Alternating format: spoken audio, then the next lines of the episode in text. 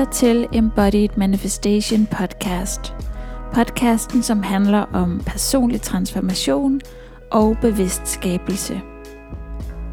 Embodied Manifestation er en terapeutisk tilgang til bevidst skabelse, som støtter os i at leve som vores autentiske selv og manifestere selvkærligt derfra. Jeg er din vært, Luca Sofia.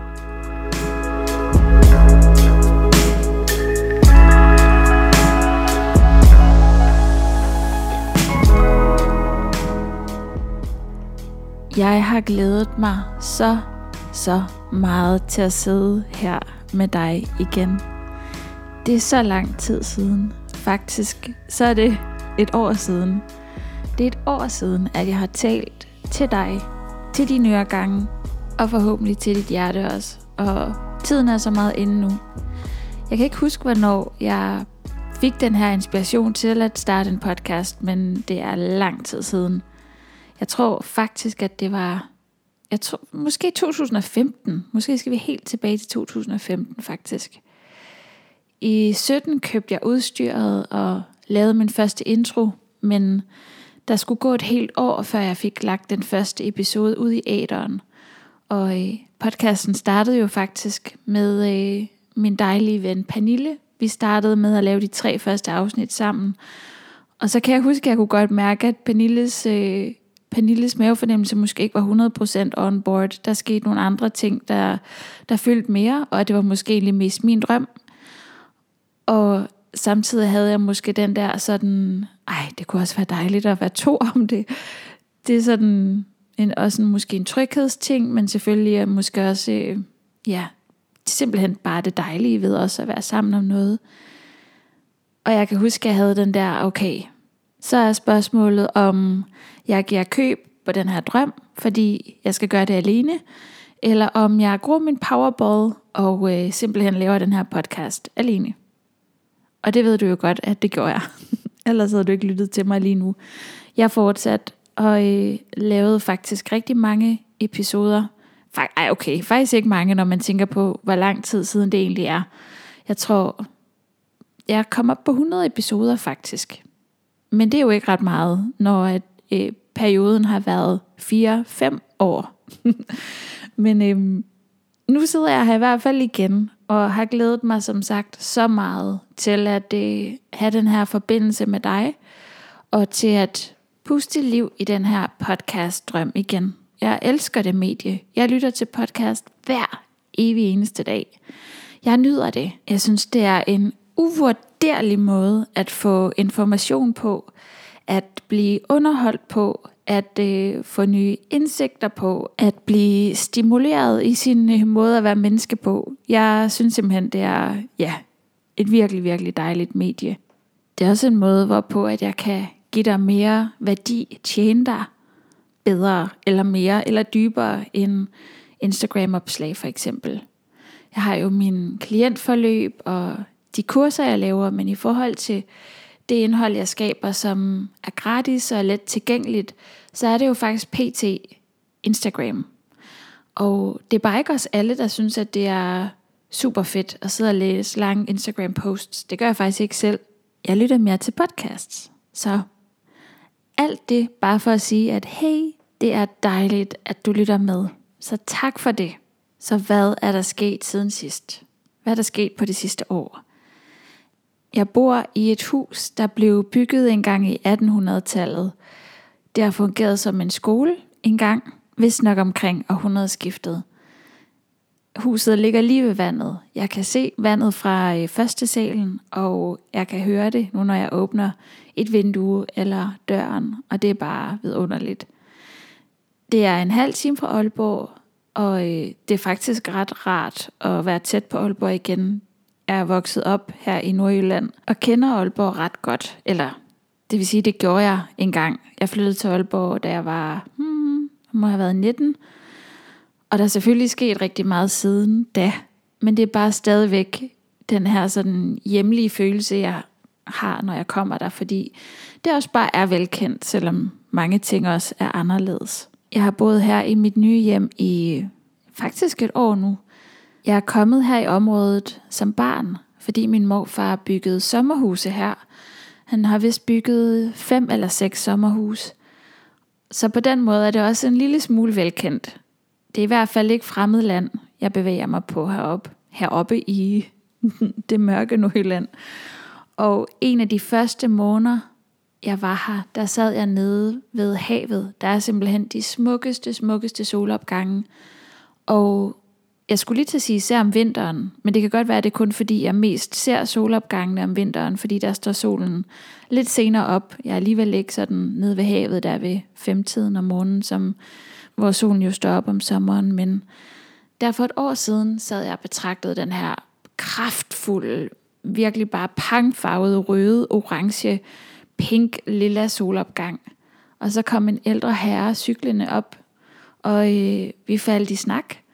Og så viste det sig, at det var min morfars rigtig gode ven, som han jævnligt så, og som havde mødt mine forældre, og kunne huske min storesøster, fordi min storesøster har boet ved min morfar, og det var så dejligt at møde ham, og jeg blev virkelig rørt i det møde, fordi der var det lige pludselig som om, ja, fortid og nutid bare kolliderede. Jeg sad der midt i nutiden, og så kom ligesom en repræsentant fra fortiden cyklende forbi og gav mig en mulighed for at komme i kontakt med alle de her minder og min morfar og ja, barndommen, den stod bare lige sådan og åndede mig i nakken lige der. Det var virkelig rørende, virkelig et smukt møde. Det har været lidt af en proces at finde komplet accept med at være her. Jeg valgte stedet på baggrund af muligheden for min kat Bowie, fordi han var blevet en udekat, er blevet en udekat, havde vendet sig til at kunne komme ud. Og derfor kunne jeg ikke hive ham tilbage til nogen stor by eller lejlighed. Han skulle have et sted, hvor han kunne komme ud og være tryg og leve sit bedste katteliv og klatre i træer og gøre det katte ellers gør. Så jeg ledte efter et dejligt stort hus, et meget stille og roligt område, ikke nogen store veje tæt på, masser af natur, stor have osv. En dejlig bonus er, at jeg er rigtig tæt på min familie og min bedste ven gennem plus 20 år og andre gode venner.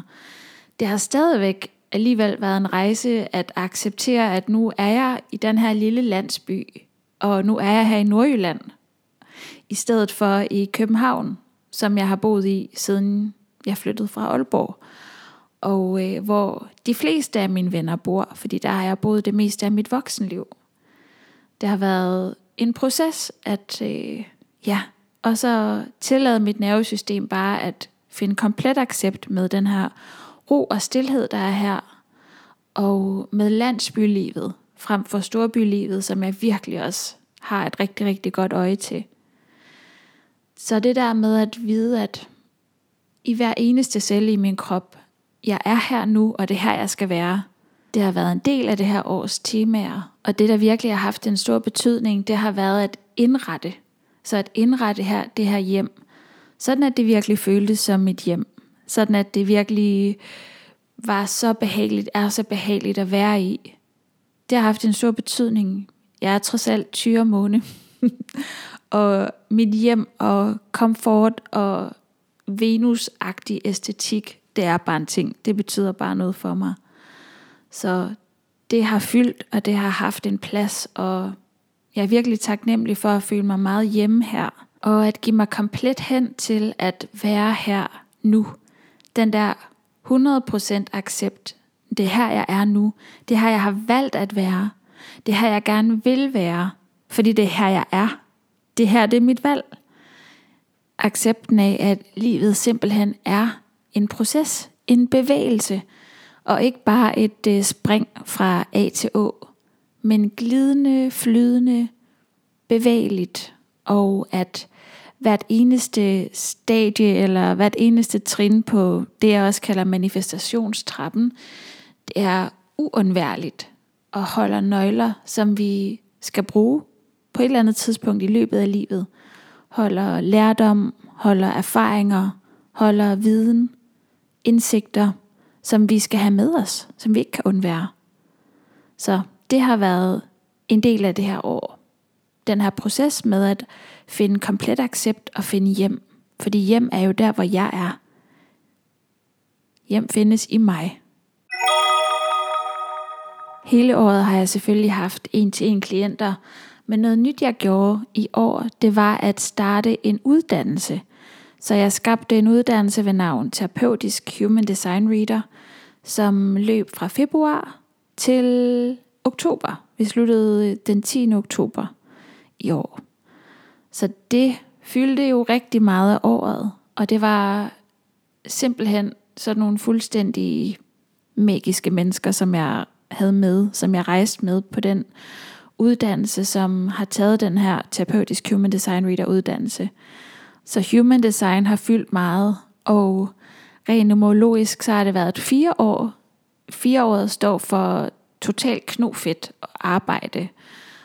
Og det føler jeg virkelig er meget on point. Jeg synes, jeg har arbejdet rigtig meget, men meget sådan behind the scenes, fordi den her uddannelse jo har fyldt og kørt, og det er nogle virkelig, virkelig dygtige mennesker, som er ja, kommet ud i den anden ende, hvis man kan sige det sådan. Vi gik så meget i dybden, og de var så dedikerede og så entusiastiske, og faktisk så fornyede de også min egen entusiasme omkring human design, og gav mig lyst til at lære endnu mere, og jeg føler mig så taknemmelig over, at de, I, hvis I lytter med, havde lyst til at være med på den rejse. Den var virkelig lang, og den var virkelig dyb, og den var, den var sgu transformerende, og jeg har en oplevelse af, at alle som en kom vi ud på den anden side forandret. Forandret af vores samspil, af den transformation, der skete i det læringsrum sammen, og selvfølgelig transformeret af det, der var blevet lært.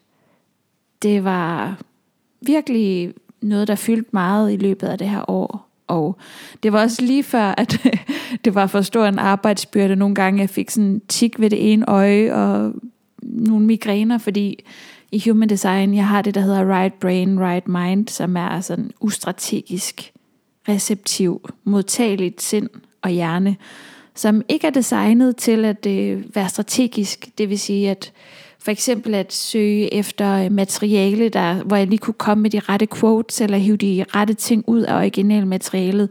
Det er faktisk en, en strategisk måde at bruge sin hjerne på. Det svarer til, når man læser lektier. Altså, det er også en strategisk måde at bruge sin hjerne på. Det er man med right brain, right mind simpelthen bare ikke designet til. Vi er bare designet til at tage imod og være de her sådan receptive svampe af information og viden. Så jeg skulle slå lidt knuder på mig selv og min egen øh, hjerne nogle gange for at, øh, for at skabe indholdet. Og det lærte jeg virkelig også meget af. Så ja, bare kæmpe, kæmpe taknemmelighed for den rejse og for de i dejlige, dejlige mennesker, som var med på den. Jeg er også så heldig lige pt. at have en dejlig praktikant, som skal til at starte rigtigt hos mig, og som skal være hos mig de næste måneder, og som du højst sandsynligt også får at høre her på podcasten. Hun hedder Karin, og vil rigtig gerne hjælpe mig med at skabe endnu mere værdi for dig, endnu mere gratis værdi for dig. Og så er der sket det her ret finurlige, at jeg har delt min virksomhed op i to. Så nu hedder den Human Design Livet. Det er der alt Human Design halløj foregår. Og så hedder den anden afdeling Autentiske Selv. Så Instagram hedder nu Autentiske Selv, og det er ligesom firmanavnet. Og Autentiske Selv er den her kropsterapeutiske, traumeinformerede platform med online kurser, hvor vi simpelthen får værktøjer til at leve som vores autentiske selv og manifestere selvkærligt derfra. Det har været noget, der har været på vej i lang tid. Jeg har ønsket at finde en eller anden måde, hvorpå at jeg både kunne øh, skabe human design indhold til de interesserede, men også kunne tjene dem, der ikke er interesseret i human design. Og for mit vedkommende, så er jeg ret vild med human design. Det kommer ikke som nogen overraskelse. Men human design er for mig en kilde til selvforståelse. Det er ikke noget, som mit hjerte bare banker totalt mega passioneret for. Jeg er entusiastisk og passioneret for, at vi alle får mulighed for at kende vores human design og at leve som vores human design. Men for mig er human design i går så en bare en del af lavkagen. Det er et slice. det er simpelthen ikke hele billedet. Som jeg ser det, der kommer vi ikke specielt langt, kun med human design. Det er en ramme for forståelse, men så er der så meget andet, vi mennesker har brug for, som jeg ser det, for at føle, at vi kan være frie til at være vores autentiske selv. Human design taler rigtig meget om strategi og autoritet. Det handler om at læne sig ind i kroppen som den ultimative autoritet i vores liv.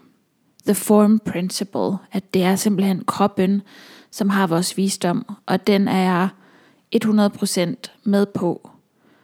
Problemet, hvis man kan sige det sådan, er bare, at vi voksne mennesker kan have ganske svært ved at følge strategiautoritet, og og det har at gøre med overvis af traumer og conditioning. Og Rao Ruhu, han gentog gang på gang, Rao Ruhu var founderen af Human Design, han gentog gang på gang, at Human Design var ikke for voksne, det var for børn.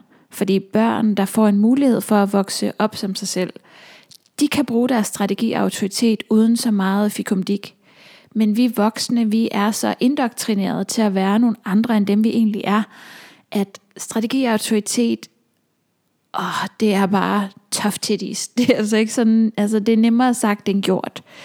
Og som jeg ser det, så skal der mere til. Der skal traumetransformation til. Der skal at træde ind i vores 2.0 identitet til.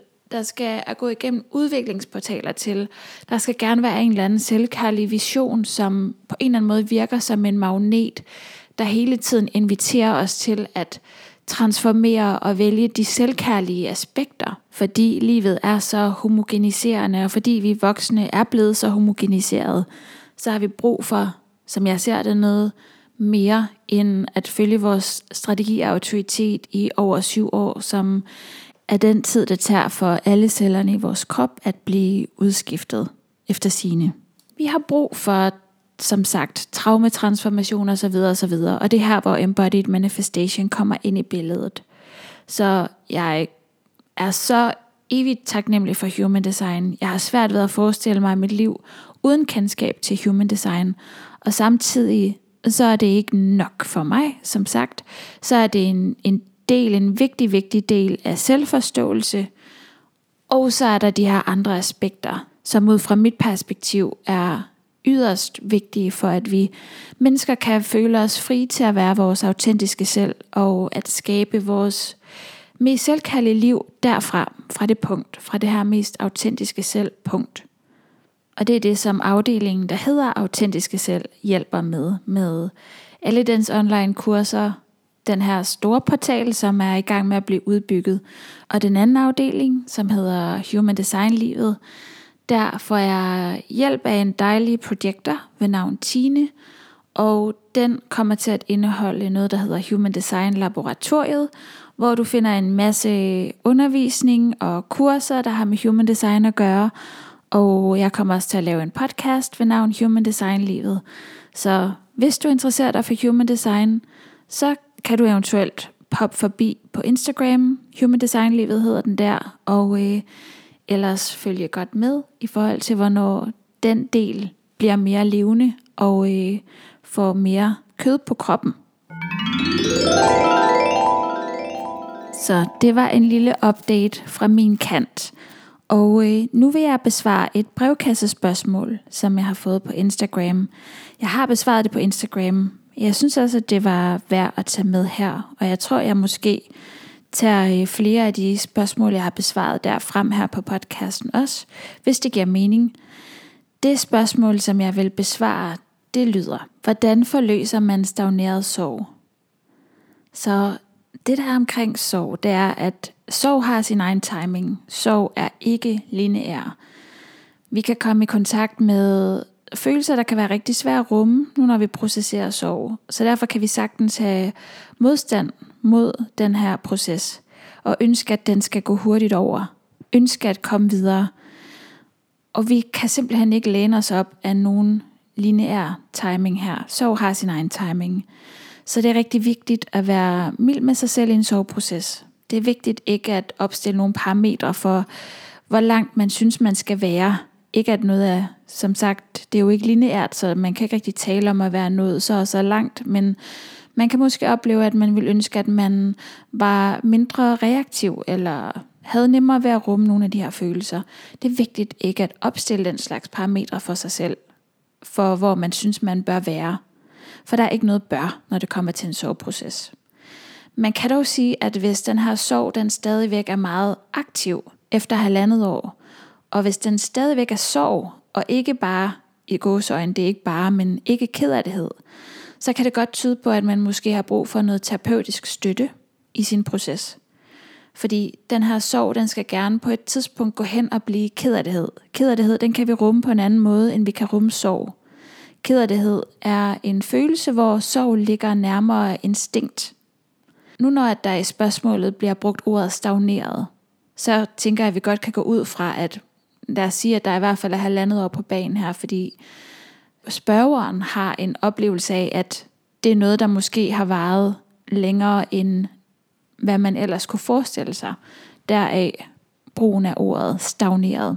Men det er vigtigt at understrege, at vi kan kun hver især helt personligt vide, hvornår den her sorg den er blevet fixeret eller stagneret eller fastholdt.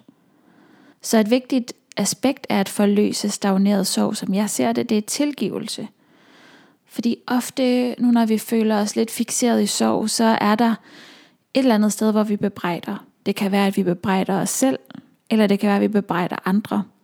Det kan være, at vi har en oplevelse af, at vi skulle have gjort noget anderledes. Den finder vi så tit med stagneret sorg. Det kan også være, at vi synes, at andre skulle have handlet anderledes. Hvis bare du havde gjort sådan og sådan, eller hvis bare jeg havde gjort sådan og sådan, så var det ikke sket. Og den der, så var det ikke sket, det er den, der tit ligger lige bagefter, men som ofte forbliver usagt. I den kan vi se, der måske ligger en manglende tilgivelse, en manglende accept. En manglende accept af, at det var som det var, og det der skete, skete. Og sådan som det udfoldede sig, det var sådan det udfoldede sig. Så nu når vi kæmper med at finde accept, så bekæmper vi ofte fortiden i nutiden. Vi bekæmper ofte, hvordan tingene egentlig var, og vi har måske en ubevidst indstilling til, at jamen, hvis bare jeg ikke tilgiver, hvis bare jeg ikke accepterer, så har jeg stadigvæk på en eller anden måde en finger med i spillet, og så kan jeg måske undgå, at det egentlig blev, som det blev. Men det ved vi jo godt, når det bliver i talesat på den måde, at det slet ikke er muligt, fordi det var, som det var. At acceptere, at det var, som det var, det kan være en nøgle, der kan hjælpe os med at tilgive. Når vi finder accept, så holder vi op med at bekæmpe fortiden midt i nutiden. Og her er et perspektiv, jeg vil invitere dig til at mærke ind i. Det kunne ikke have været anderledes, fordi hvis det kunne have været anderledes, så havde det været anderledes. Så et spørgsmål, man kan stille sig selv, det er, hvor holder jeg tilgivelse tilbage fra mig selv og eller andre? Hvad vil det give mig at finde accept? Næste punkt i det her svar, det er at finde ind til kernen. Fordi stagneret sorg, det kan ofte være forbundet med en oplevelse af at have mistet noget af os selv.